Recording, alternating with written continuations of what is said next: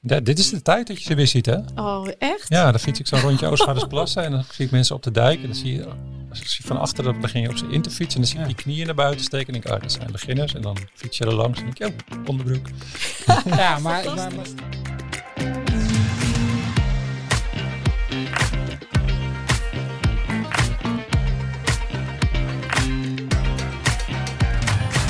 Zijn er gouden regels om je fietsseizoen goed te beginnen? Hoe en waar je de juiste fiets kiest, welk materiaal, voeding of kleding. En dan moet je nog gaan trainen en volhouden. Leuk dat je luistert naar Fiets de podcast. Mijn naam is Herman van Tilburg en in deze aflevering zit aan tafel Marieke van Altena en Edwin Haan. Marieke doet 101 verschillende dingen op en naast de fiets. Fietsclinics, workshops, fietsreizen en de organisatie van onder andere het NK Greffel. Edwin Haan is hoofdredacteur van Fietsmagazine en moet alles weten over wat twee wielen heeft. We gaan beginnen. Welkom. Dankjewel. Ja, dank je. Allereerst Marieke, hoe is het met je? Ja, goed. Een beetje moe. Ik eh, kom net terug uit eh, Mallorca. En eh, daar heb ik een reisje georganiseerd samen met eh, Erwin Florie. En was het eh, in Mallorca net zo mooi weer als hier? Helaas niet, helaas niet. Het was eh, echt Dat vraag ik natuurlijk bewust. Hè? Dat heb je pokken weer. nee, het was fris. Het regende eh, redelijk wat. Nee, het was niet eh, idyllisch voor onze gasten. Dat, is wel, dat was wel jammer. Want je had daar een fietsreis. Ja. Neem ons dus mee met, met hoeveel fietsers je daar, je daar was. Ja, en wat voor soort fietsers. Wij, wij gaan elk jaar een week naar Mallorca en dan nemen we twaalf eh, maximaal mee. Dit keer waren we met elf man. En dat zijn allemaal mensen die eh, wel zes dagen achter elkaar kunnen fietsen. Want anders dan, eh, wordt het wel een hele zware beproeving. Maar we allemaal op de weg. Allemaal Geen op de weg. gravel of MTB. Nee, nee, nee, dit is echt een, een wielrentripje. en, ehm, maar het is wel echt een fietsvakantie. Dus als mensen zeggen ik heb er een dag geen zin, dan is het ook aan hun om lekker thuis te blijven. Dus het is echt wel ook gewoon voor de lol. Het is geen trainingskamp, eh, maar we willen wel eigenlijk... Ja, ons, ons streven is wel altijd om iedereen wat tools mee te geven. eh, aan, ja, dat ze aan het einde van de week wel iets geleerd hebben ook. Wat heb je gezien bij, eh, ja, bij een van de fietsers waarvan ze teruggaven? Nou, dit, dit heb ik in een week kunnen leren. Of Ja, bijvoorbeeld goed afdalen. Afdalen in de beugels, goed de bochten aansnijden, dat vooral. Ehm, eh, ademhalingstechnieken oefenen. Ja. nog, nog eh, valpartijen meegemaakt. ja, we hebben wel een eh, valpartijtje gehad eh, tijdens een echt een regenachtige dag. En dan is het daar natuurlijk spekglad. Ja. Ja, Het kan dus wel regenen op Mallorca dus. ja helaas wel. Ja. dat was wel echt jammer. En hoe is het afgelopen met eh, de patiënt? Ja, die, eh, die heb ik eh, meegenomen in de taxi naar huis. En de rest is doorgefietst. En uiteindelijk zijn we toch nog even naar het ziekenhuis gegaan. En eh, die heeft ja, scheurtjes in zijn heupbot.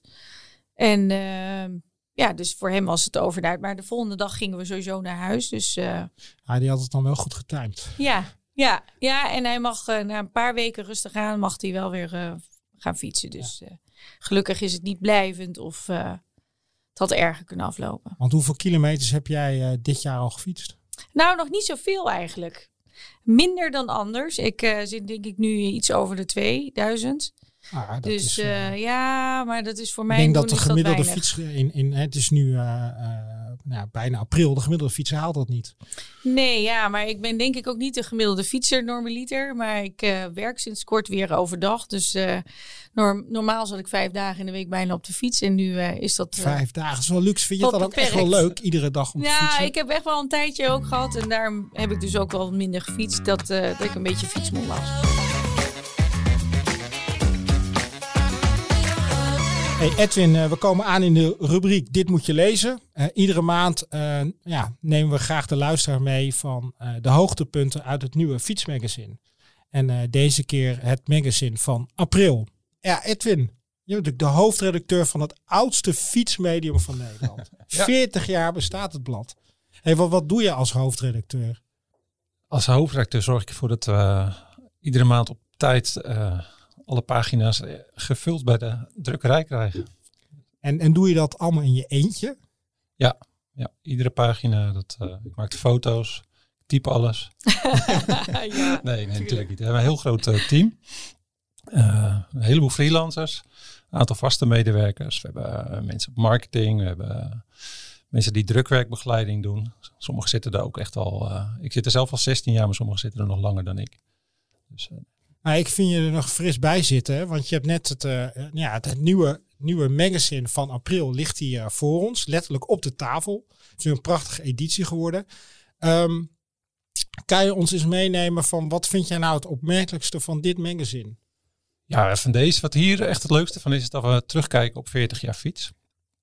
Eh, Dus in 82 hè, was de eerste 82 uitgave. eh, zijn ze begonnen. Ja, toen was ik zelf nog geen abonnee. Toen was ik eh, 13. Eh, we hebben eh, 16 pagina's extra in dit nummer. Die we helemaal eh, speciaal voor, de, voor die 40 jaar terugblik hebben gekeken. En wat, wat ik het leukste vond eigenlijk, was eh, dat ik op bezoek ben geweest bij eh, Guus van de Beek. Dat is de, een van de twee oprichters van Fiets. De eerste hoofdredacteur. Eh, dat was echt een heel erg leuk bezoek. Die man die, eh, die is nog steeds heel fanatiek. Een enorme techneut is dat. Veel, eh, dus vroeger waren ze veel meer met techniek bezig dan dat. eh, Ja, het was echt dat we nu zijn. pionier ook nog. Pionieren. En ze schreef toen over tandems en over lichtfietsen. En Ik, eh, ik de zag ook dat die, die koffer ook inderdaad een lichtfiets eh, Ja. bevatte. Ja, ja, en ze hebben nog een tijdje eh, vakantiefietsen gedaan. En eh, echt, eh, allemaal dingen die we nu eigenlijk niet meer doen.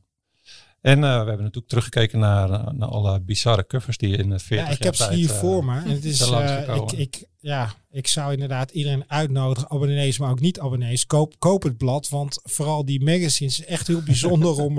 je krijgt echt een prachtig, prachtige vogelvlucht door, door, de, door de tijd. Want Ja, het is het tijdsbeeld. Als je pak eens de opmerkelijkste koffer volgens jou eruit. Ik eh, zie bijvoorbeeld die van 82. Kan je eens even beschrijven wat je ziet? Ja, daar valt jou. Ja. eerste op, hè? Ja, wa- wa- wat ik zie is een, een dame in een heel raar, heel kort broekje. Die eh, van achteren op de billen kijkt. En wat, wat ik er nog het meest bijzondere aan vind, is dat erbij stond eh, zadelpijn. Vooral een damesprobleem. Ik, ik heb ze zeg maar Ja, allemaal dat- uit het archief gelukkig hebben we. Marieke ook aan tafel. Als je nou deze cover ziet, wat vind jij ervan? Ja, dat was toen natuurlijk, eh, kon dat. Maar dat eh, zou nu natuurlijk eh, uit de boze zijn. Wat ik zo grappig vind, is dat, eh, dat staat vooral voor dames een probleem. Ja. En dan dat Ja. broekje erbij. Dan denk je, ja, iedereen zou met zo'n broekje natuurlijk zadelpijn hebben. We hebben natuurlijk nu hele goede broeken en ook goede zadels. Daar gaan we het natuurlijk ook straks even over hebben. Hey, en eh, als je verder kijkt naar, de, naar, naar deze uitgave.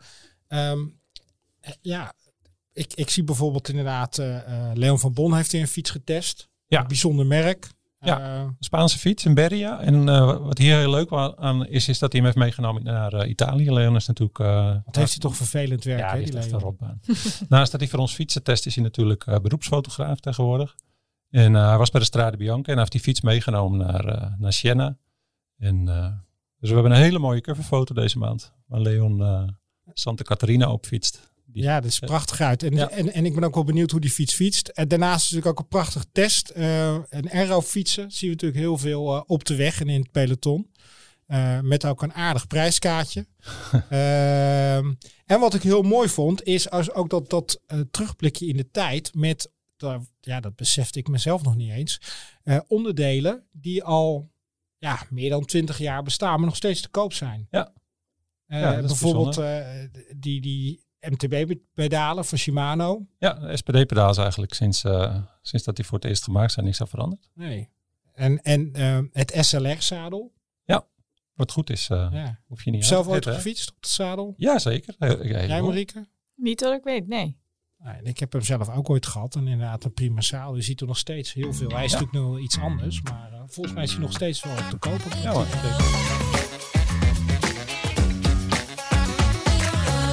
Hey, eh, we hebben het magazine eh, aan bod laten komen. Ehm, ik wil jullie een aantal stellingen voorleggen. Ehm, ik heb er drie. En heel simpel. Ja of nee. De eerste. Fietsen wordt een onbetaalbare sport. Ja, dat denk ik wel. Nee. Dat is mooi. Daar is een stelling voor. Hè?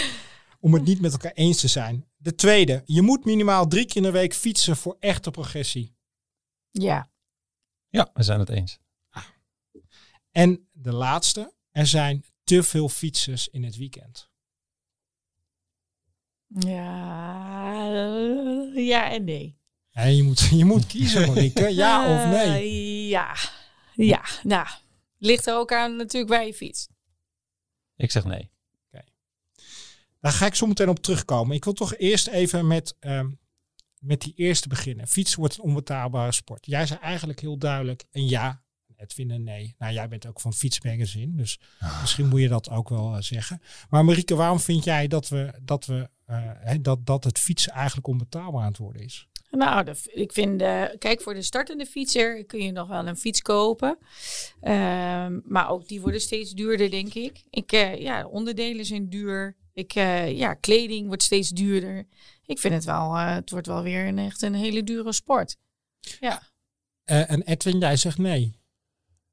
Ja, dat, uh, ik denk dat het een beetje een maatschappelijk probleem is dat mensen ieder jaar nieuwe spullen willen. En uh, ook al als die oude nog niet op zijn, zeg maar. Je kunt natuurlijk gewoon prima een, eh, een derdehands fietsje kopen. Ja, maar en om een set kleding heb je genoeg als je drie keer in de week fietst. Dus je hoeft niet uh, per se een achtste setje te bestellen. Nee.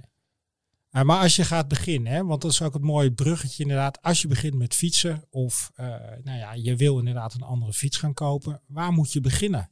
Want we kennen inmiddels allemaal de verhalen ja, fietsen zijn duurder geworden. Uh, of er is überhaupt niet aan een fiets te komen. Maar, maar als je bijvoorbeeld als vrouw of man zegt van nou ja, ik wil inderdaad mijn eerste racefiets gaan kopen.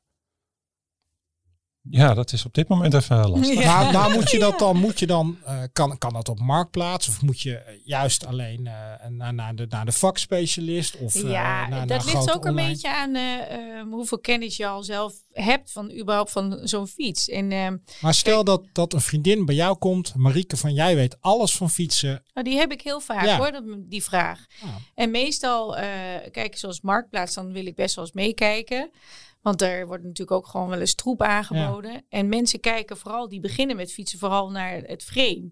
En die, uh, of het er mooi uitziet. Maar ja, daar, daar fiets je natuurlijk niet goed door. Dus ik zeg altijd wel, kijk ook vooral naar de onderdelen. Want als je een heel mooi frame koopt en de onderdelen zijn al shit... dan kun je alsnog uh, een beste uitgave doen. En, en wat, wat, wat zeg je dan specifiek tegen die vriendin? Van, uh, nou ja, die komt bij jou en we gaan er samen door Marktplaats heen. En nou, ja. ik, uh, ik ben zelf voorstander van echt gewoon uh, ergens heen gaan en kijken. Ja. A, gun ik het de lokale ondernemers dan Ja. ook wel. En uh, B, dan kun je ook echt zien hoe zo'n fiets, hoe de staart van zo'n fiets is.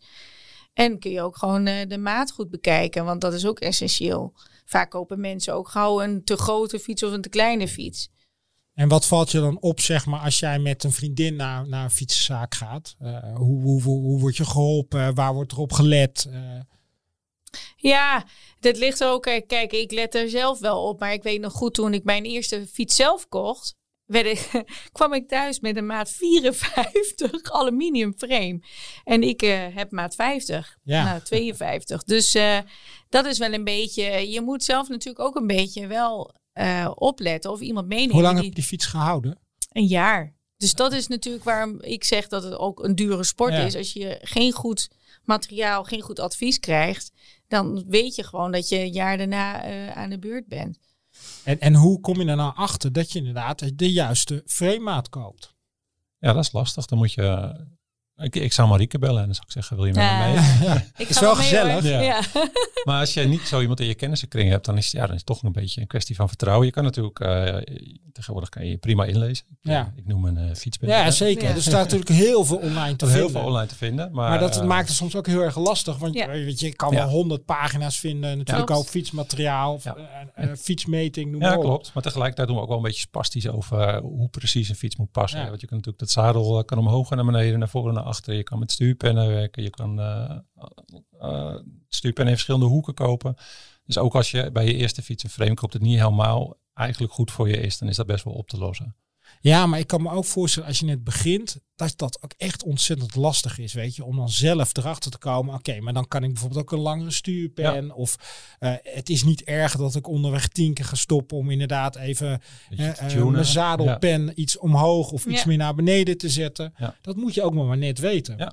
Ja, dat is ook. En ik, uh, ja, ik adviseer mensen echt wel ook met een tweedehands fiets om een uh, bikefit te doen. Het is wel Ja. een uitgave, maar ik denk dat je daar wel echt onwijs veel plezier van hebt. En eigenlijk zou je die gewoon elke twee, drie jaar uh, moeten doen. Waarom zou je, kan je eens kort vertellen wat, wat zo'n bike... Heb jij hebt ervaring met een bikefit. Ja, zeker. En dus dus eh, wat, wat is de toegevoegde waarde van, van, van een bikefit? En Want je wordt op Nou, een fiets gezet. Ja, ehm, ik heb bijvoorbeeld geen kruisbanden in mijn eh, linkerknie. Dus mijn knie geeft altijd een licht zwabbertje. Uh, heb je als ik- gevoetbald? Nee, nee, ook door het fietsen. En eh, ehm, dus dat, ja, die heeft dus een, een soort afwijkingje. En eh, ehm, zo heeft ieder mens natuurlijk, eh, niemand is, die zit perfect op die fiets. Eh, jouw rug is misschien wel iets krommer dan die van mij. Of eh, jij bent minder flexibel. Of, en dat kan een bikefitter. En helemaal de mensen die echt met goede materialen werken, kunnen dat gewoon zien. En daarop zetten ze jouw fiets goed neer.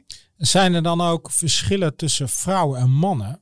Eh, met, met het, nou ja, daar ben ik op benieuwd. hè, met het Ja, maar er meten. zijn verschillen Ja, ja, tussen ja. Ja, ja, ja, ja, ja, ja? Ja. Ik stel bewust die vraag. Hè, Maar dat want denk ik wel. er zijn natuurlijk aparte vrouwenframes. Hè, eh, Ja, maar ik denk dat dat een marketing. marketing dat, dat, dat is. lijkt mij ook Dat is marketing. Ja. Dat maar ik kan me marketing. voorstellen dat vrouwen ook iets anders op de fiets worden gezet dan de gemiddelde man. Nou, ik denk dat het aan de bikefitter ligt. Ehm, ik ben bij een bikefitter geweest. Eh, ik heb meerdere gehad. Eén die wilde mij zo aero mogelijk erop zetten. En eh, de ander die keek gewoon naar wat zit comfortabel. Dus het is ook maar net eh, wat voor een type fietser je zelf bent en wat, waarvoor je het wil gaan gebruiken. En bij welke bikefitter je bent. En bij welke ja. bikefitter Ja, je is bent. wel- ik weet niet meer wanneer, het is echt lang geleden. Maar we hebben ooit eens een keer eh, één testpersoon naar zeven verschillende bikefitters gestuurd. En die verschillen die waren echt bizar. Ja. En die hebben allemaal opleiding daarvoor gedaan. Dus dan zou je eigenlijk denken, Ja. van, nou, iedereen komt dan met, met de perfecte fit thuis. En er zaten centimeters verschil in. Dat is Ja. echt... En dat hebben jullie een keer eh, in een van jullie... eh, ooit is, eh, is echt, eh, ik denk wel eh, vijf, zes, zeven jaar geleden. Maar daar schrokken we zelf ook van. Ja, dat Een vraagt eigenlijk nu zeven jaar later om het nog eens een keer Ja, te doen. precies. Om eens eigenlijk eens te keer kijken van keer zijn die verschillen. Ja. nog steeds zo groot. Ja. Ja, en het, het is, kijk, als je heel lang fietst, zoals eh, wij zeg maar, dan voel je wel of je goed zit Ja. of niet. Hè? Of een bikefitter het goed heeft of niet. Want dan is het mini, millimeterwerk. Maar als je echt nieuw bent met fietsen, dan, eh, ja, dan moet je zo'gene wel kunnen vertrouwen. Maar Ja. normaal laten we het alleen wel net klinken alsof het heel ingewikkeld is om Nee, te maar starten met fietsen. Hè? Het is, Nou eh, ja, het, Nee, het is, het maar- is maar- wel dat je... Maar vooral volgens mij wat heel erg belangrijk is... dat als je begint met fietsen... of een tijdje niet hebt gefietst en je start weer Ja. op... dat je volgens mij jezelf ook die tijd mag geven... dat het even mag schuren. Hè? Dus dat je niet direct misschien je positie vindt... dat je even moet zoeken. Dat het dus Ja. niet erg is... dat je, eh, dat je even niet comfortabel op je fiets zit, klopt. eerste ritten. Ja, klopt. Ik merk het zelf ook. Ik heb veel in de winter binnen gefietst. Dan ga je weer naar buiten. En buiten wel op de gravelbike. Maar dat is ook wel je andere positie hoe je Ja. zit. Tenminste anders opzichte van mijn racefiets. En dan ga ik weer ritten maken op mijn racefiets. Nou, dan voel ik me toch weer echt even een beginnerling van, Ja, ja. ja. weet je, ja, ik zit toch. En dan ga ik toch weer zitten klooien. Ja. En ook weer bepaalde onzekerheid van, ja, maar moet ik toch weer eh, dat, dat zaal iets naar achter of, of iets meer omhoog? Maar ja, heb je dat? Ik heb dat helemaal niet. Nee, ik eh, gebruik alle soorten fietsen, zeg maar, van gravel, mountainbike, maar... Nee, nee, maar dat komt omdat ik wel... Ik heb een hele fijne bikefit gehad, Ja. dus ik stap zo weer op. Ja, ik heb ook wel een bikefit gehad. En dan, doordat je natuurlijk wat langer fietst, dan kan Zal je je dat haar zelf... naam geven Ja, doe maar. Doe maar. Ja, wel het geeft ook wel weer aan hoe persoonlijk het is. Hè? Ik heb in het verleden een collega gehad, die werkt nu bij de servicekoers van eh, Jumbo-Visma. Als die zijn zadel een halve centimeter te hoog of te laag gaat, dan eh, had hij een blessure. Ja. En bij mij, ik kan vijf centimeter hoger of lager zitten. Ja, ik fiets ja, gewoon ja. door. Ja, ik voel het op de, nou, niet, niet op de millimeter, maar ik kan het echt wel nee, voelen. Ik ben Ja. daar heel makkelijk in. Ja, ja. We hebben natuurlijk allemaal Tom Dumoulin gezien in de Tour met zijn met zadel. zijn zadel. Ja. Hey, ehm, en, maar, maar als je nou inderdaad net begint met fietsen, eigenlijk die, die, wat jullie zeggen, het, het, eh, laat jezelf eens een keer opmeten, doe het jezelf Mhm. cadeau. Eh, maar vooral ook als je een fiets gaat kopen, ga toch wel inderdaad, eh, eh, of inderdaad met, met een ervaren fietser mee. Ga naar die vakspecialist. Ehm, heb je fiets met schijfremmen dan nodig? Of kan je ook gewoon nog met de ouderwetse velgrem beginnen? Ouderwetse velgremmen Ja, prima. voor hier in Nederland is dat prima. Ja. Ja, En je zeker. kan natuurlijk nu mooi eh tweedehandsjes Ja. scoren, omdat eh, heel veel Ja. mensen toch over willen naar schijven. ik zou dat in Nederland zeker nog gewoon doen als je, eh, ja, die zijn en eh, inderdaad veel meer te koop nog. En moet je carbon of aluminium? Ja, ik zou eerst gewoon eh, alle, eerst maar eens kijken of je het fietsen Ja. leuk vindt. Ja, het ligt een beetje aan je budget. Weet je? Ja. Als, je als je niet warm of koud had van een paar Nee. duizend euro, dan zeg ik eh, koop wat je mooi vindt. Ja. Maar als je voor het eerst gaat fietsen, dan denk ik eh, koop iets goedkoops. Kijk het een, een jaartje Ja. aan en dan, eh, dan ruil je hem vaak weer in voor de, voor de prijs die je er eh, En zijn er dan hebt. ook de absolute don'ts om dus niet te doen bij de aankoop van een fiets?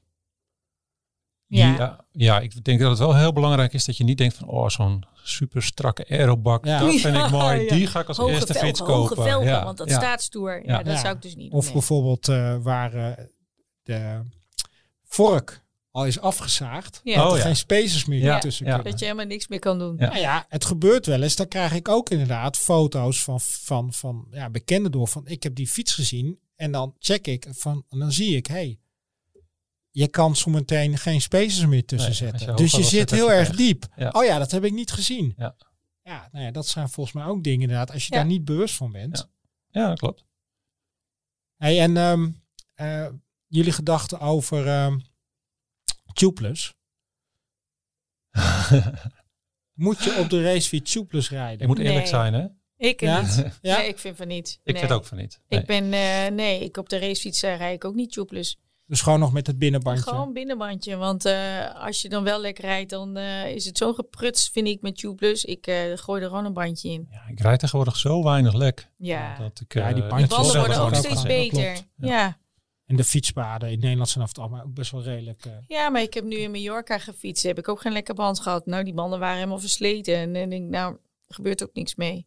Nee, het nadeel is dat de, de bandendruk is gewoon te hoog, vind ik dan, hè, in een racefiets voor, voor latex. Als je een beetje, als je een keer lek rijdt, het Ja, spuit er met zo'n vaart uit. Je, de hele frame zit eronder. Ja, en je kunt niks meer. En je kan eh, met vieze handen alsnog een binnenband ja, erin gaan dat- stappen. Precies dat. Hey, en ehm, eh, nou, we hebben het even over die fiets gehad. Hè, en dat is inderdaad denk ik heel belangrijk dat je van goed moet nadenken. Oké, wat wil je uitgeven? En dat er inderdaad ook prima alternatieven zijn onder aluminium en ook tweedehands of een aluminium nieuwe fiets. En dat schrijfremmen dus ook nog niet nodig is. Ehm, wat een heel erg onderschat ding is op een fiets, is eigenlijk een zadel. Zeker. Ik heb net bijvoorbeeld, na heel wat jaren op hetzelfde zadel gefietst te hebben, weer een ander zadel gekocht. Maar daar ben ik al uren mee bezig geweest. Herkennen jullie dat? Ja, ik niet zo. Ik eh, moet eerlijk zeggen, ik, ben, eh, ik, ik rij altijd op het zadel wat op de fiets zit. En eh, ik heb toevallig nu een zadel op mijn fiets gehad en die was iets te breed. En dan vraag ik uh, aantrekken of ik een nieuwe krijg en dan krijg ik een smallere. Maar ik... Uh, maar weet jij bijvoorbeeld welke breedte van je zadel? Nee, maar ik voel wel dat die dan te breed ja. is. En ik doe maar gewoon, ik vind die hele, gewoon die standaard smalle zadels vind ik altijd prima. Ja. En ik nou... Maar jij gaat dan ook gewoon weer naar de dealer toe en vraagt je advies? Nee, ik, nee, nou ja. Maar ik is een luxe paardje. Ik ben een luxe paardje. Ik ben ambassadrice voor uh, Trek. Ah, hier komt de aap uit de mouw. Ik denk, wanneer, wanneer komt hij? Ja. Wanneer komt hij? Ja, dus ja, ik, ik uh, bel ik gewoon kijk Trek. Trek Ja, Olive aan en dan zeg ik, uh, mag ik een wat smaller zadel? Dit is mede mogelijk gemaakt door Trek. Trek, trek, trek, trek. Ja. Nee, maar nee. Uh, ik ik heb wacht maar... trouwens al twee jaar op mijn Trek. Oh, ja, sorry. Ja. Misschien rij ik daar wel op. Nee, ja, dat, nee. kunnen, dat, is, dat is echt nee, waar. Nee, nee en bij, bij mijn eigen fietsen heb ik ook nooit het zadel veranderd. Nooit. Ik ben ook niet... Uh, maar goed, er zijn vrouwen bijvoorbeeld die echt specifiek een vrouwenzadel Wat hebben. is een specifiek vrouwenzadel? Ja, die, die zijn dan wat breder en die hebben dan een uh, wat meer gleuf van, van in het midden. Ja. Een uitsparing, een wat je ook bij mannen hebt. ja. Ja. Ja, en vaak uh, wat zijn ze net even wat zachter. Ja. Een beetje bre breder en zachter. Ja. Iets meer een soort van... Uh, nou ja, ik kan me voorstellen dat dat... Ik vind dat niet fijn. Nee, maar dat heel veel vrouwen, uh, als ze beginnen met fietsen, maar dat weet ik niet. Hè, dat is een aanname die ik nu doe en ook wel eens wat ik gehoord heb. Dat vrouwen het heel erg lastig vinden om, om fijn op die fiets te zitten. Ja, maar ik denk dat dat, dat is dus wel een beetje materiaal. Het is niet alleen het zadel wat heel erg belangrijk is, maar je broek is echt zo ontzettend belangrijk voor een vrouw. Die zeem is echt zo belangrijk. Als je, daar, als je een goedkope, laat ik zo zeggen, als je een goedkope broek hebt. Wat is en, een goedkope broek? Want misschien is jouw perceptie van goedkoop anders dan die van mij. Nee, van dat snap ik. Dat snap ik. Maar uh, neem uh, uh, van uh, Amazon. Ik zeg maar wat, Hmm. zo'n AliExpress broek. Of, weet ja, ik dat moet je sowieso niet kopen. Nee, maar, maar goed, dat noem ik Ja. net goedkoop. Um, als je een goedkope broek hebt en je hebt een heel duur zadel, kan het nog heel naar zijn. Bij je edele Ja. om het maar even zo te zeggen. Dus ik, ik, ja, materiaal is gewoon wel belangrijk. Ook qua kleding. Ja, ja die, eh, qua broeken, wat voor voorkeur heeft het met jou dan qua zemen? Hoe, hoe selecteer jij een goede broek?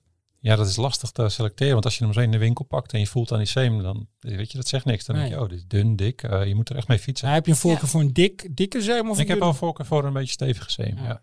ja.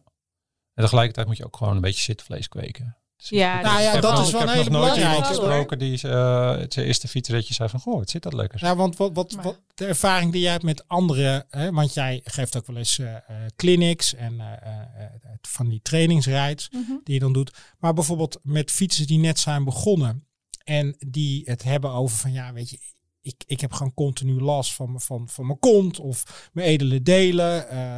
Eh, gaat dit nooit over? Wat, wat zeg je dan? Ja, het gaat wel een keer over. Maar het is inderdaad wat Er- Edwin zegt. Je moet echt wel zitvlees Ja. kweken. Ik, heb, eh, eh, ik denk dat elke vrouw dat misschien wel in het begin heeft gehad. eh, je hebt echt wel op een gegeven moment eh, bewijs van het bloed in je broek Ja. staan.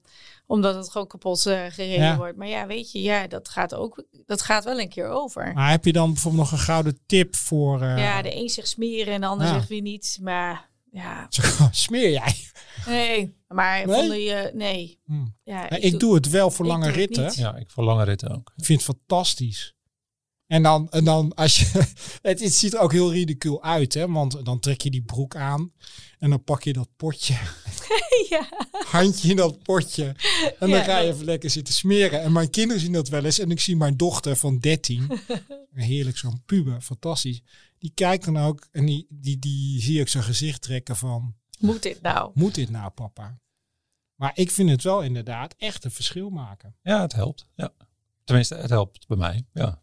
Ja, ja, dat doe ik dus niet. Nou, Ja. wat, wat denk ik ook belangrijk is, dat eh, wat je veel ziet, is dat mensen op dat eh, zadel steeds naar voren schuiven. Ja. En dan zit je eigenlijk natuurlijk niet helemaal goed op je fiets.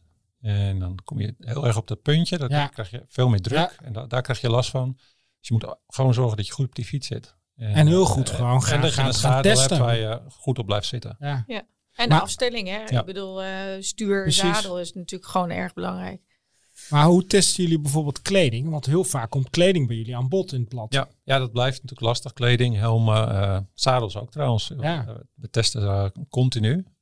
Tot mijn grote verdriet soms. Als ik een zadel heb eh, wat ik echt niet fijn vind. Ja, dan moet ik toch meer dan één ritje oprijden. Ja. Maar eh daar zetten we er altijd bij. Dat is persoonlijk.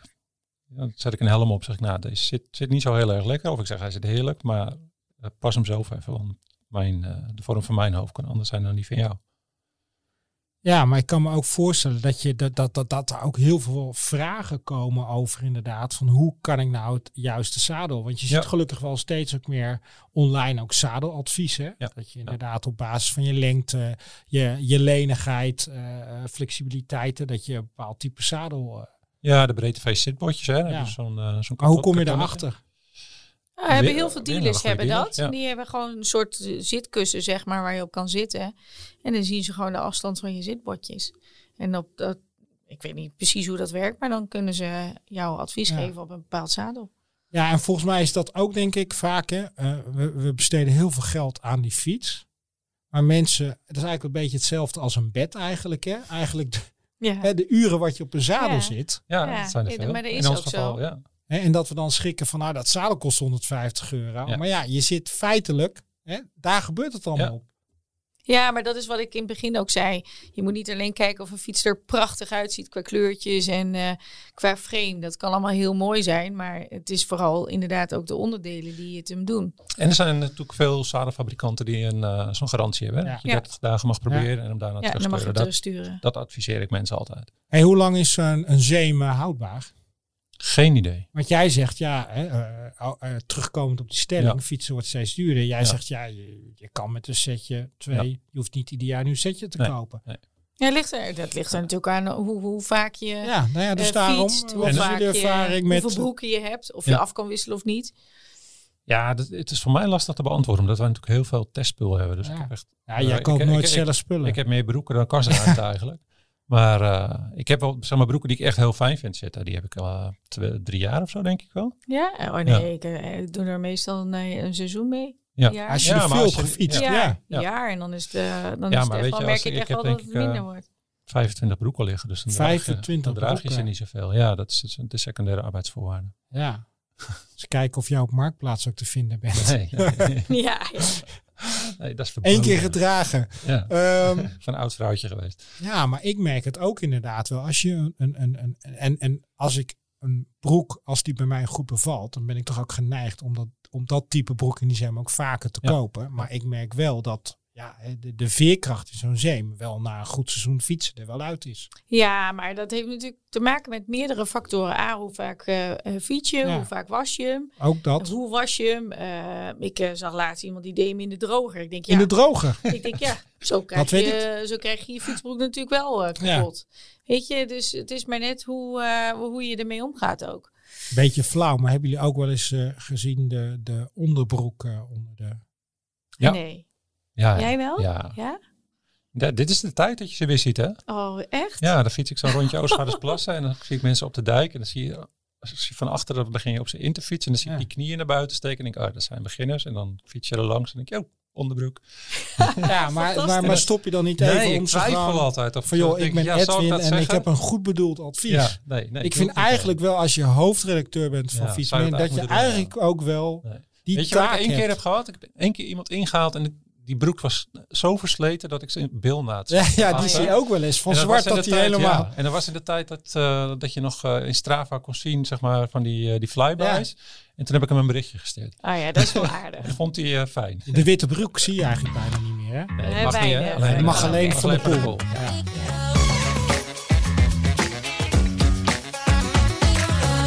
We gaan eh, naar rubriek 2, Edwin, eh, service scores. En eh, in deze aflevering, welk item moet je nou hebben in je garage? Oh ja, ehm, ik vind een montagestandaard. De montagestandaard, Ja, oftewel de werkplaatstandaard. Ja. Wat is het? Dat is een, een soort statief waar je je fiets in kan hangen. En dat maakt het een heel stuk makkelijker om hem schoon te maken of om eraan te sleutelen. Je zet hem vast in die standaard Ja. je fiets. Je hebt verschillende soorten. Je hebt ze met een klem of je hebt ze daar waar je eh, je fiets opzet en dat je, dat je je voorwiel vastzet, dat je er een soort as doorheen doet. En dan kan je op hoogte werken, zeg maar. hoef je niet zo raar gebukt te staan. Je hoeft je fiets niet op zijn kop te zetten. Ik vind dat echt, Jij hebt hem thuis natuurlijk. ik heb er thuis heen, ja. Heb jij er eentje? Nou, mijn man die eh, wordt donderdag 50 en die heb ik er net een gegeven. Oh, dat is tactisch. Die heb ik heel tactisch, tactisch cadeau. Gefeliciteerd. Hè? Vijfde Ja, bijzonder. dankjewel. Dus jij denkt, ik geef hem een Ja, werkplaatsstandaard. ja, ik denk, eh, hij wil eh, graag sleutelen. Ik denk, nou, dan geef ik hem zo'n... Maar wie sleutelt bij jou aan de fiets? Nou, hij, hij sleutelt nog wel eens aan zijn eigen fiets. In de zin van eh, ehm, sommige kleine reparaties kan hij zelf. Maar ik breng mijn fietsje gewoon weg. Ja. Ja, dat is herkenbaar. Dat, als het te moeilijk wordt, doe ik dat ook. Ja? Maar die werkplaatsstandaard, ehm, wat kost zo'n apparaat? Ja, die, die, dat is eh, ook weer lastig te zeggen, zoals alles bij fietsen. Je hebt ze wel eens in de aanbieding bij de, de Aldi of de Ja, Lidl of zo voor, Aldi, eh, ja. voor 25 euro. En En- vaak Duitse kwaliteit, dus goed. Nou ja, ik, ik heb er eerlijk gezegd eentje, die heeft denk ik zes jaar in de tuin gestaan of zo. Die dingen zijn gegalvaniseerd.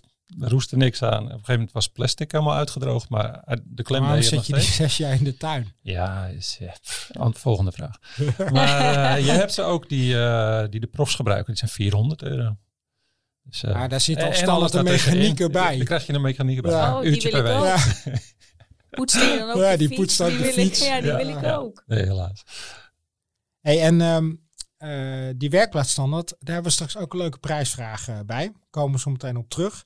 Ehm, als je het hebt over bijzondere items, heb jij nou recent een fiets-item gekocht waar je zegt, ja, dat is onmisbaar voor iedereen? Ehm, jeetje.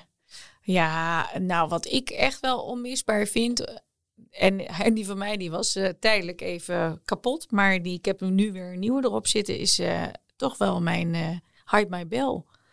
De Bell. En, leg eens uit wat die Bell is Nou, voor degenen die het niet kennen. Dat is een, eh, een, eh, een eh, hoe noem je dat eigenlijk? Een, Een fietscomputer mount. ja, waar je, en daar zit een bel onder. Dus ik, en ik merk gewoon als, die, als ik geen bel heb, dat ik die mis.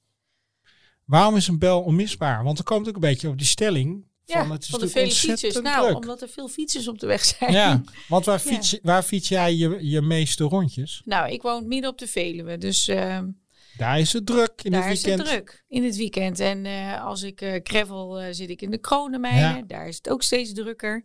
Ja, Dan heb je natuurlijk mountainbikers, gravelaars, Ja. wandelaars.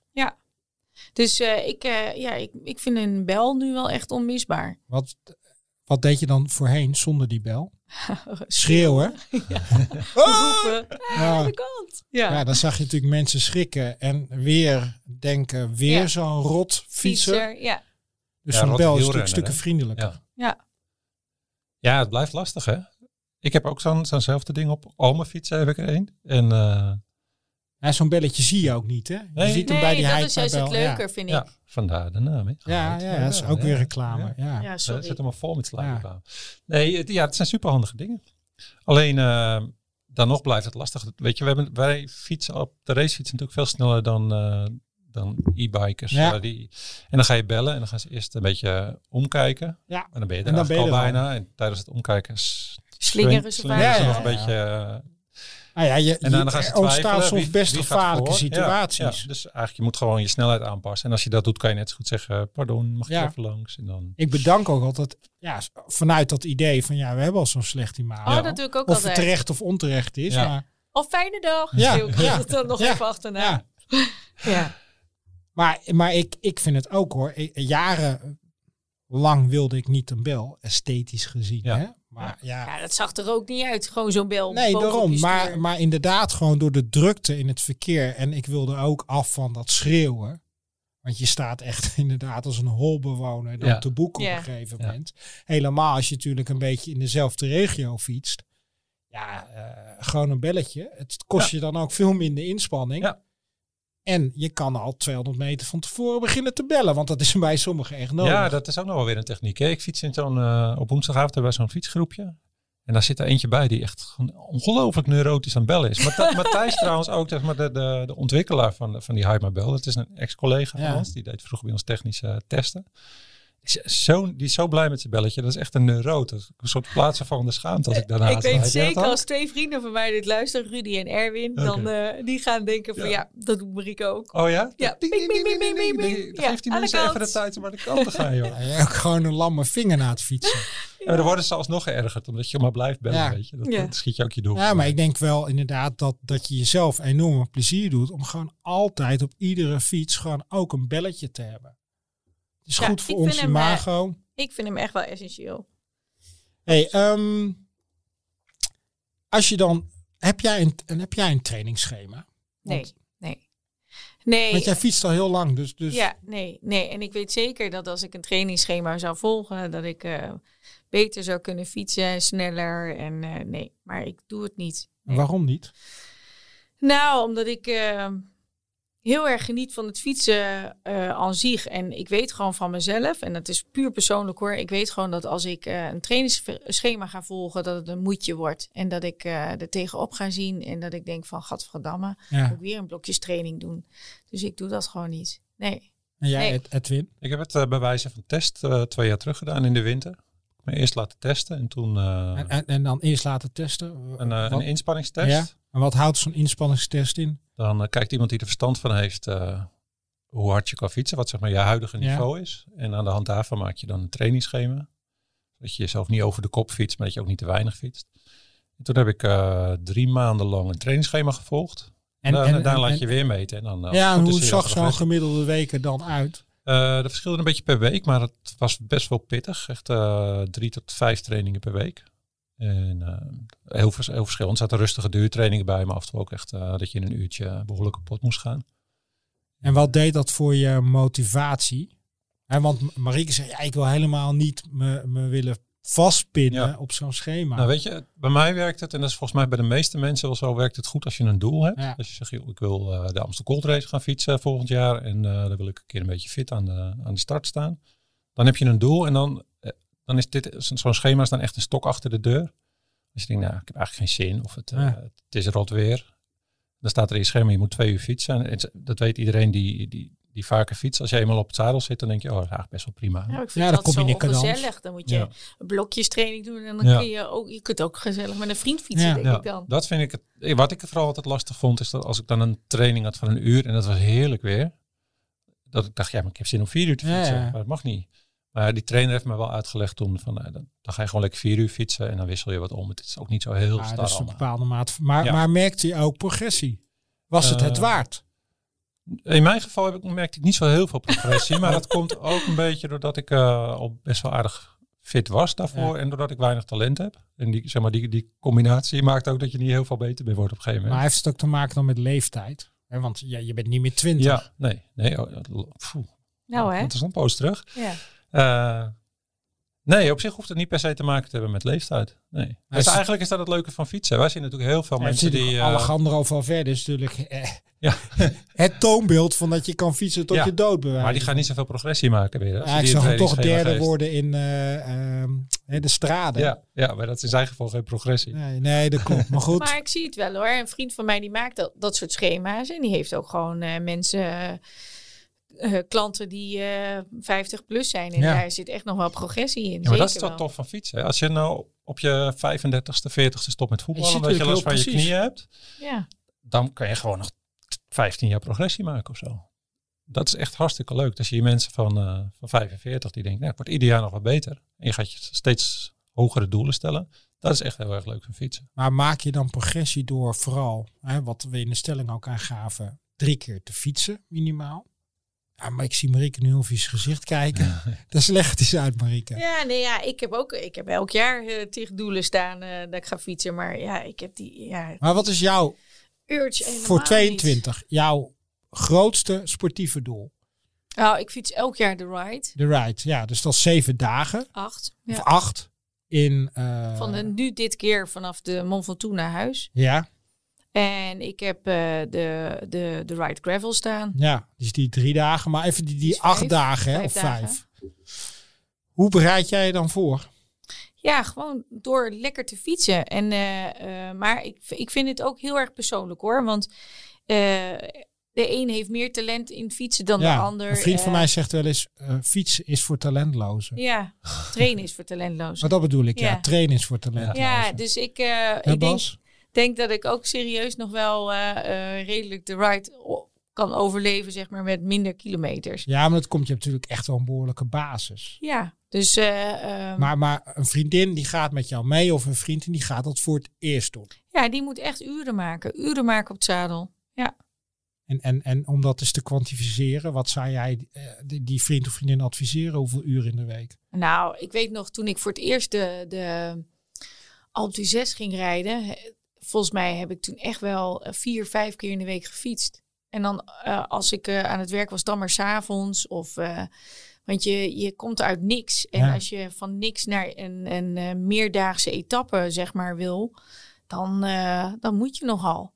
Dus Ja. je moet echt wel, eh, ja, ik vind het altijd lastig hoeveel uren, maar een kilometer of eh 3000 is misschien wel handig op te tellen voordat je eraan begint. Ja, zeker wel. Wat is jouw idee daarover? Ja, het, het gaat vooral om uren maken. Maar nog niet eens uit hoe hard je fietst. Je hebt veel Nou, Nee. beginners die zijn helemaal gefocust op dat ik wil 30 gemiddeld. Ja, want ja, ik ja. moet 30 gemiddeld fietsen, maar het gaat gewoon om uren maken. En dan mag je ook gewoon eh, thuiskomen met een rondje van, van bijvoorbeeld gemiddeld 28. Ja, ja, ja, ja, 26, dus- ja. 24, maakt allemaal niet uit als je maar uren maakt. ja, want het is vaak bij dat soort tochten is het natuurlijk, eh, hoe goed je ook kan fietsen, je lijf wordt gewoon moe. Ja. En eh, ehm, je moet die uren in het zadel vol zien te houden. En eh, dan maakt snelheid in die zin niet meer uit. Nee, want je hoort natuurlijk wel steeds de school, hè, ook voor, fietsen, voor fietsers die, die wel veel meer ervaring hebben, hè, die, die, die, die allemaal doelen voor, voor komend seizoen hebben. Heel erg dat zwart-wit trainen als trend. Mhm. Ja. Eh, ben jij van die school, het zwart-wit trainen, Edwin? ja, ik ben wel van die school. Ja. Ja? Doe, je, doe je het zelf ook? Want kan je eens vertellen eh, van wat dat zwart-wit trainen inhoudt. Nou, dat is nou eigenlijk dat je of heel rustig traint Ja. of echt heel hard traint. En, en niet ertussenin, wat eigenlijk iedereen het leukste vindt. Ja. En ik heb dat zelf eh, jaren gedaan. Ook omdat ik geen doel had en ik dat nou eenmaal het leukst vond. Dus dan ga je eigenlijk altijd net even te hard Ja. fietsen. Eh, waardoor je op een gegeven moment een soort plafond bereikt waar je niet overheen komt. En dat, dat over het plafond kom je eigenlijk alleen maar heen als je echt heel diep in het rood gaat. En, op- maar ook heel veel uren maakt, echt op een laag tempo, waar je ontzettend een soort van basis legt. En, Dus eh, voor al die fietsers die denken van ik moet ieder rondje minimaal boven de 30. Ja, Ja, dan maak je op een gegeven Ja. moment maak je dan meer stuk mee dan dat Ja. je daar eh, mee verbetert. Dus mensen, het is niet erg om gewoon zen met 25 kilometer gemiddeld thuis te komen. Ja, ik denk helemaal op goed 70% van je kunnen als je daarop fietst. Dat is, ik denk, het beste wat je kan doen. Soms en dan zo'n keer- trainingsschema en advies kan daar Ja, en af en toe moet je wel eens knallen. Ik bedoel, eh, je Ja, moet ik zou- ook eh, zeker eh, donkerrood eens een keer opzoeken. Want je moet ook weten hoe ver je kan gaan qua lichaam. Ja, we hadden het net over die fietsmeting. Ik denk dat ik mensen nog eerder zou aanraden om een, eh, een keer een inspanningstest te doen, die ook nog vaak in je ziektekostenverzekering zit. Je krijgt die vergoed, hè, vaak tot Ja. 200 euro. Helemaal als je aanvullend verzekerd er bent. komen soms ook gewoon dingen uit dat je denkt, oh, er is iets met mijn hart of zo. Ja. Weet je, dat hoor je nog wel eens waar je helemaal geen weten van had. Dan denk je, nou, dat is toch eh, mooi, mooi meegenomen. Dat, dat, Nou ja, eh, je kan natuurlijk bij jaarlijkse ehm, fitheidstest die eigenlijk. Sportmedisch Adviescentrum, Ja. de SMA's, Ja. in Nederland op verschillende plekken Ja. kan je inderdaad zo'n inspanningstest. eh, ook met, eh, nou ja, ook heel uitgebreid, hè, met VO2 max, et cetera. Maar gewoon die basis-inspanningstest. Zeker ook als je na het net begint met fietsen en je bent boven die 35. Ja. En dan weet je Eh, ook hoe je hartslagzones exact. liggen. En dan weet je Maar- precies ook wat rustig eh, en dat- wat hard dat- voor jou is. Dat hartfilmpje. Ja, eh, ja, ik ben helemaal niet van de hartslagmeter. ja, sorry. Nee, ja, dat is het. Hè. Fiets, Jij fietst dus zonder hartslagmeter. Ja, ik fiets, eh, ik fiets nooit met een hartslagmeter. En ik vind, eh, als je echt goed wilt trainen, ga dan op wattage Ja. trainen. Ja, Heb je een paalmeter? Nee, heb ik ook niet. Maar Nee. ik train ook niet volgens een schema. Maar Nee. ik denk als je echt een schema wil volgen, ga dan op een wattagemeter zitten. Want ik denk als je ehm, een beetje vermoeide week hebt gehad, is je hartslag sowieso al van het padje. Ja. En dat wil helemaal niet zeggen dat je je training dan niet goed doet of eh, niet kan fietsen. Of eh, stress doet natuurlijk ook heel veel. Ja, nacht niet goed slapen doet heel veel. Ja, dus ik, eh, ik ben niet zo van de hartslag, moet ik eerlijk zeggen. Fiets jij met hartslagmeter?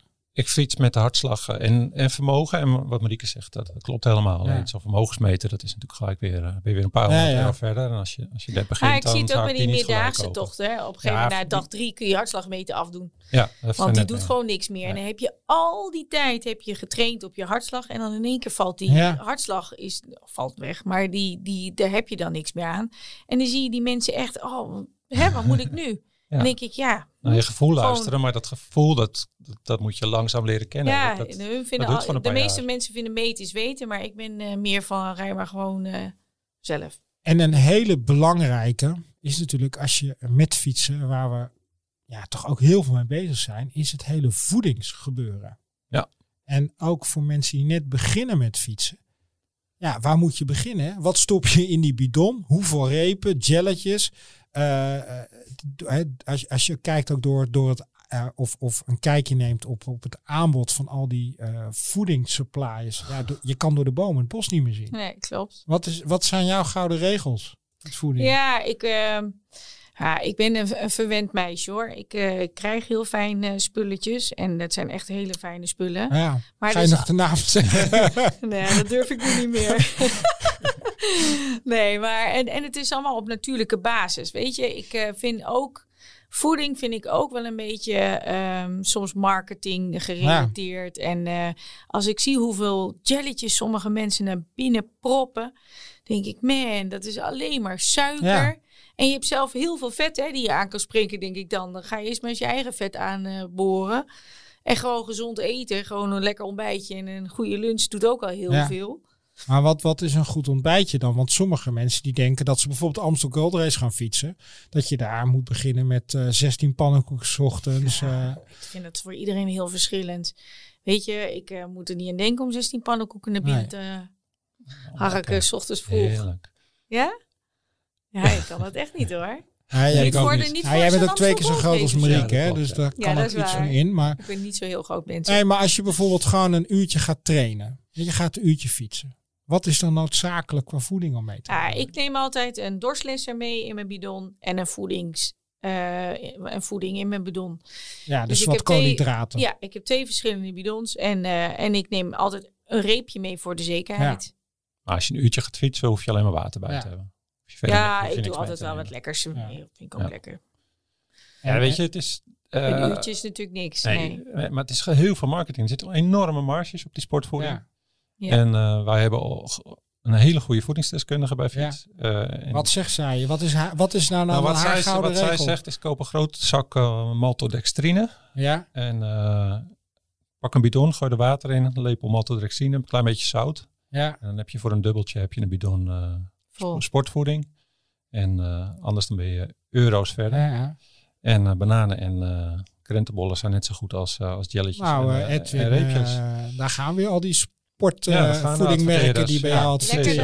En weet je, die sportvoeding is heel erg leuk omdat het eh, eh, lekker compact is. Ja. Er zit heel veel koolhydraten in een heel klein dingetje Zeker, dat, gepropt. dat verschilt natuurlijk ook weer Ja, per merk. dat verschilt per merk. En je kan een smaakje uitzoeken dat je lekker vindt. Dat is toch even handiger dan dat je een krentenbol uit moet Ja, pakken. het is natuurlijk heel gewoon gemak. Hè? Ja. Eh, Ja. Je, je kan het natuurlijk gewoon direct gebruiken. Je hoeft het, nou ja, gooi het in een bidon of een reepje inderdaad. Maar het is niet voor niks dat ook de profs eh rijstaartjes eten. En, eh, Ja. en eh, lekkere koekjes krijgen tussendoor. Want op een gegeven moment ben je Ja, dat helemaal is klaar met die ideaal. hè. Er komt ook zo'n auto langs rijden Ja. en, eh, en zo'n zakje. eh, of, of ze stoppen je wat toe. Ehm, als je dan thuis komt van het fietsen. Hè, en dan eh, heb je bijvoorbeeld eh, twee uurtjes lekker gefietst. Ja. Wat is jouw routine dan als je thuis komt? Ja, dat ligt een beetje aan het jaargetijden. Maar eh, nou, en dit is nu voorjaar. nu is het voorjaar. Dan eh, is mijn routine dat ik eh, een lekker biertje pak en op de bank Oh, ga ik zitten. ook. Alcoholvrij biertje, ja. Oh, sorry. Ja, nee, nee, nee, helemaal goed. Ik ben blij. Nee, nee, nee, nee, nee, nee, helemaal niet. Ik ben net gezien, terug uit, mooi. uit Frankrijk. Ik was met een fietsmaatje daar. Ja, je hebt daar prachtig drie dagen ik heb gefietst hè, in de drie dagen heerlijk gefietst. Champagne. En ik heb eh, een vast fietsmaat, Ronald, en die is eh, best wel fanatiek. En dan kwamen we daar aan na het fietsen. En dan hadden we, de eerste dag hadden we 60 kilometer gefietst. Heel veel overrood, dus best wel een paar uurtjes weg geweest. En eh, toen zei die, die mevrouw bij, bij wie we in het hotel zaten, die zei, willen jullie wat drinken? Zei, nou, lekker een biertje. Hij zei, ja, ik ook graag, alcoholvrij. En dat is, schijn, dat is het dan niet. Het schijnt, dat is een ontzettend goede hersteldrank, alcoholvrij bier. Want er zitten goede suikers in. Ja. En eh, isotoon is het vaak, wordt heel snel opgenomen. Maar ik vind, eh, we zijn bezig met het maken van een Kreffel special. En daar hebben we een biertest in gedaan. Ja. Dus ik heb vorige week heb ik twaalf verschillende soorten biertjes getest. Die allemaal iets met fietsen hebben. Ja, de alcoholvrij bier is gewoon niet zo aan mij besteed. Oh, ik vind hem... Ja, nee, Ja? nee, ik Ah, het is wel beter. Ja, het is veel beter. Zeker is het. Het is veel Oh, beter. Alleen, eh, ja, kan wel lekker het, moet- het hoeft toch niet altijd... eh, Nee, nee, nee. Maar, maar de routine is wel, jullie, jullie gaan gewoon eerst even een biertje chillen en op de bank even Ja. zitten. Nou, nee, ik, ik drink mijn biertje en dan ga ik wel meteen douchen. Ja. Ik eh, ga niet eerst nog heel eh, lang... eh, of de zon moet heerlijk schijnen en dan wil je nog even zitten. Maar meestal eh, ga ik meteen wel weer mijn ding doen. En ehm, eten, dus qua herstel, doe je nog iets? nee, ik niet. Ja, ik, ik, ik trap er nog wel eens Een in dat ik eh, thuis kom en dat ik dan echt honger heb. Ja. Dan heb je dag misschien even net te weinig gegeten. En dan ga ik de koelkast plunderen. Ja. Ja? Terwijl ik, ik weet heel goed dat, je, zeg maar, dat het 20 minuten door, duurt voordat je dat signaal krijgt van je hebt genoeg gehad, je zit Ja. vol. Maar ja, dan ben ik al 20 minuten aan het eten. ja, dus al die Dus koolhydraten die, je- die je verbrand heb, en hebt, die zitten er dan weer aan. maar dat is natuurlijk wel echt een, een veelgemaakte fout. Hè? Dat mensen denken, ja, ik wil ook wat fietsen vanwege ja, eh, de lijn. Ja. Eh, ik wil inderdaad wat, wat kwijt qua kilo's. Ja. Die komen terug en denken, nou, ik heb mijn beweging gedaan. Ik krijg trek en ik ga me inderdaad dan toch ongegeneerd wat zitten. Ja, ik gun me daar zelf geen tijd voor. Maar dat is misschien vrouw eigen. Ik moet dan weer voor mezelf weer iets in huis. Of- Ja. Dus eh, heel vaak sla ik dan gewoon eh, de lunch helemaal over. Dus de- ik eet helemaal niks dan tot, tot 's avonds. Oh nee, dat kan ik niet. Zo ik heb zo ik- kan chippy tussen. nee, maar ik heb mezelf nu wel geleerd van, ik ga, als ik terugkom van fietsen, dan eh, ga ik direct douchen. En dan neem ik ook een bidon mee. Gewoon met water, om gewoon direct te drinken. Dat is echt Toch fanatiek, hè? Ja, maar gewoon- Knap. Ja, ja, ja, ja. ja. Nou ja, nee, maar het, het is me echt zo vaak gezegd van ik kreeg anders gewoon later op de avond of op de dag echt hoofdpijn. Oh ja, ja, dan heb je Ja. te weinig Nee, gedronken. te weinig gedronken, dus Ja. ik heb, ben er heel erg bewust van. Ja. Van tevoren goed drinken, tijdens, als ik terugkom. Ook even. Hey, ehm, we hebben wat dat betreft heel veel aan bod laten komen. En volgens mij eigenlijk een soort van, van eh, eh, snelcursus voor de beginnende fietser. Maar ik denk ook heel veel herkenning voor ons als doorgewinterde fietsers. En ik denk ook voor alle luisteraars. Ehm, we hebben ook nog een prijsvraag. En we hebben natuurlijk net gehad over een item wat je absoluut moet hebben in de schuur. En jij hebt een heel mooi cadeau om weg te geven. Ja, we hebben een eh, schitterende pro-werkplaatstandaard. En ehm, die gaan we weggeven aan eh, iemand die ons op Instagram uit gaat leggen wie volgens hem of haar die werkplaatstandaard heel goed zou kunnen gebruiken. Dus Ja. Als je naar eh, het Instagram-account Fietsmagazine gaat en daar, daar achterlaat wie er... Ja, er komt natuurlijk gewoon inderdaad in zo'n ko- komt de post en Ja. ook de link naar deze uitzending. Ja. Maar vooral inderdaad, wie kan jij nou blij maken met deze werkplaatsstandaard? precies. Wie heeft hem nodig? Eh, jij hebt hem al, dus eh, jij mag niet Ja, meedoen. nee, en Marieke, ik, jij eh, gaat wel de winnaar selecteren. Ik ga de winnaar wel selecteren. Wat zijn dus de wees een beetje origineel, mensen. Wat is de beoordelingscriteria? Nou, ik vind wel dat ze een beetje origineel. Niet zelf hunzelf noemen, bijvoorbeeld. Dat eh, kan natuurlijk niet, hè? hey, eh, bedankt. Ik, eh, ik vond het eh, Ja, heel fijn. Jij. En eh, top dat je erbij was, Marieke. Ehm, hoe kunnen mensen jou volgen of in contact met jou komen? Oh, via Instagram kunnen ze me wel volgen. En dan Ja. gewoon even zoeken op Marieke. Café Altena. Ja. Marieke V. Altena. Helemaal goed. Nou, we zijn aan het einde van deze podcast. Dit was alweer aflevering 26. Edwin, hoe kijk je nou terug op deze aflevering? Ja, ik vond hem gezellig. Het is leuk dat Marieke erbij was. Ja. Het Zeker. was eh, voor jou ook de vuurdoop. Ja. goed- Goed gedaan. Fijn, dankjewel. Kudo's, zeggen fietsers dan. Hè? Ja, zeker. En eh, ik heb nu al zin in de volgende. Ik ben heel benieuwd. Ja, waar gaan we het, weet je al een beetje waar we het de volgende keer over gaan hebben? Jeetje, moeilijke vraag. We gaan... vol- sowieso weet ik dat er in het nummer dat dan er ligt... Ja, gaan dat is het, eh, hè? mijnnummer. Het mijnnummer. Daarin hebben we een aero helmet test. En we gaan daarvoor ook de windtunnel in. Dat vind ik zelf wel heel erg leuk. Ja, daar ben ik ook al benieuwd naar. En we gaan het natuurlijk hebben over gravel, want dan komt ook de, Gravel special de uit. gravel ja. special Ja, uit. we zijn daar nu de laatste hand eh, aan het... En uh, Marieke, ik denk ook een kolfje naar je hand, het gravelen natuurlijk. Is super populair, dus uh, uitgebreid uh, gravelnummer. En dat komt ook aan bod in onze uitzending. Ja, met de Gravel series trouwens, hè? wist je dat? Dat Marieke in de organisatie van het NK Gravel zit en de Gravel series. Ja, ik, ik noem Hij het heeft meegedaan. ik noemde het al in de intro. Oh, ja. Herman heeft gedaan.